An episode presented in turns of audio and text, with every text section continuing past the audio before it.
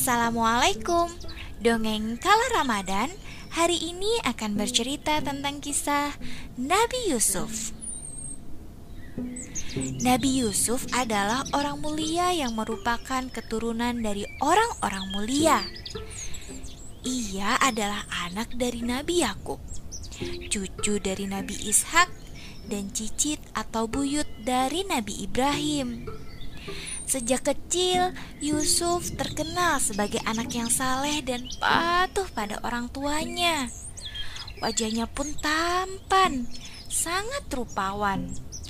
Dan ia kesayangan dari ayahnya yaitu Nabi Yakub. Dan dari semua saudara-saudaranya, ia dekat dengan Bunyamin saja. Suatu hari, Yusuf bermimpi dan menceritakan kepada ayahnya. Nah, teman-teman penasaran dengan cerita mimpi Nabi Yusuf? Jika iya, yuk dengarkan di podcast Nabi Yakub. Dan Allah juga memberikan pertolongan. Setelah menceritakan mimpinya dan dibawa pergi oleh kakak-kakaknya yang iri, serta ditinggalkan di sebuah sumur, Allah Subhanahu wa taala memberikan perlindungan kepada Yusuf dan Allah Subhanahu wa taala juga memberikan pertolongan. Pada saat itu ada Hafilah yang haus dan ingin minum. Ia melihat ada sumur dan kemudian ia menimba untuk mengambil air. Tapi siapa sangka Ternyata di dalam sumur tersebut ia menemukan anak kecil dan kemudian menyelamatkannya. Dan anak kecil itu adalah Yusuf.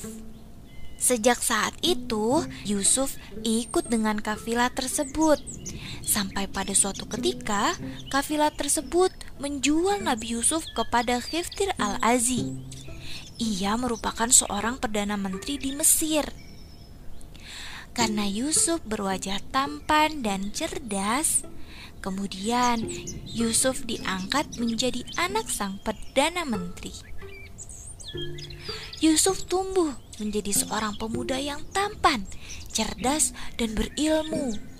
Banyak sekali gadis-gadis yang menyukainya, bahkan ibu tirinya pun menyukainya. Hingga pada suatu ketika Yusuf dituduh merayu ibu ibu tirinya. Karena hal tersebut, ia dimasukkan ke dalam penjara. Dan di sanalah Yusuf bertemu dengan dua orang budak. Dan nanti Yusuf akan diselamatkan oleh salah seorang budak tersebut. Suatu ketika, Raja Mesir bermimpi.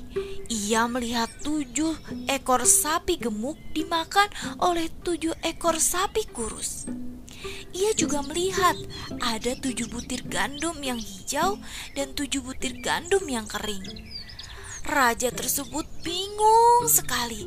Apakah arti dari mimpinya ini? Panggilkan aku semua ahli tafsir mimpi di kerajaan ini untuk mengartikan mimpiku. Titah sang raja. Namun, tidak ada satupun dari mereka yang bisa mengartikannya. Akhirnya, budak yang dulu dipenjara bersama Nabi Yusuf menyarankan kepada raja untuk bertanya kepada Yusuf. Raja mengiyakan apa kata budak tersebut. Mereka berjalan menuju penjara tempat Yusuf. Raja pun menanyakannya kepada Yusuf. Dan benar saja, Yusuf dapat mengartikan mimpi sang raja. Menurut Yusuf, mimpi tersebut, Raja, setelah ini akan datang tujuh masa subur, dan sebaiknya raja segera menanam gandum pada masa ini dan menyimpannya dengan baik-baik karena setelah itu akan datang tujuh masa kekeringan, sehingga kita tidak bisa bercocok tanam, dan seluruh persediaan pun akan habis. Yang tersisa hanyalah sedikit biji gandum yang akan ditanam pada masa berikutnya, ucap Yusuf kepada raja. Berkat kecerdasannya, Raja Mesir mengangkat Yusuf menjadi perdana menteri, dan ia diberi tugas untuk mengelola semua persediaan bahan makanan selama masa kering. Tak lama dari situ, masa kekeringan benar-benar datang. Banyak sekali negara-negara yang mengalami kelaparan, dan banyak negara yang meminta bantuan ke Mesir termasuk kakak-kakak Yusuf yang dulu meninggalkannya di sumur. Mereka datang meminta bantuan kepada Yusuf. Jelas saja, mereka tidak ingat wajah Yusuf. Karena itu, Yusuf merencanakan sesuatu. Ia ingin saudaranya, yaitu Bunyamin, datang, dan baru ia akan memberikan bantuan kepada kakak-kakak Walaupun merasa heran, kakak-kakaknya kembali ke kan dan membawa Bunyamin. Dan di saat Bunyamin telah datang di Mesir, Yusuf sangat-sangat senang bertemu Bunyamin. Yusuf pun ingin Bunyamin tetap berdiam diri di Mesir. Karenanya, Yusuf mulai mencari cara. Yusuf memiliki rencana Sebelum saudara-saudaranya pulang, ia memasukkan piala emas ke dalam karung Bunyamin. Dan ketika mereka hendak keluar dari kerajaan, Yusuf pun mengumumkan ada satu piala emas yang hilang. Seluruh penjaga pun sibuk mencari, dan penjaga menemukan piala tersebut di dalam karung Bunyamin. Karena terbukti mencuri, Bunyamin pun harus tinggal di Mesir dan Yusuf saat itu sangat senang. Saudara-saudara Yusuf pun kembali ke negerinya tanpa Bunyamin. Kemudian mereka menceritakan ke Nabi Yakub, ayah mereka. Nabi Yakub yang masih sedih karena kehilangan Yusuf semakin bersedih karena tidak pulangnya Bunyamin. Dan setelah itu matanya mulai memutih dan ia pun buta. Nabi Yakub kemudian meminta agar anak-anaknya kembali ke Mesir untuk menjemput Bunyamin. Maka pergilah mereka menuju Mesir. Sesampainya di sana, mereka menceritakan keadaan sang ayah kepada Yusuf dan meminta Bunyamin untuk dibebaskan. Nabi Yusuf yang mendengar cerita tersebut pun merasa sedih.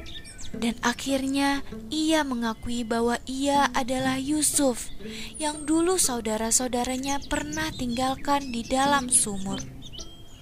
Oh, tentu saja semua saudaranya sangat terkejut ketika mendengar Yusuf mengatakan hal tersebut.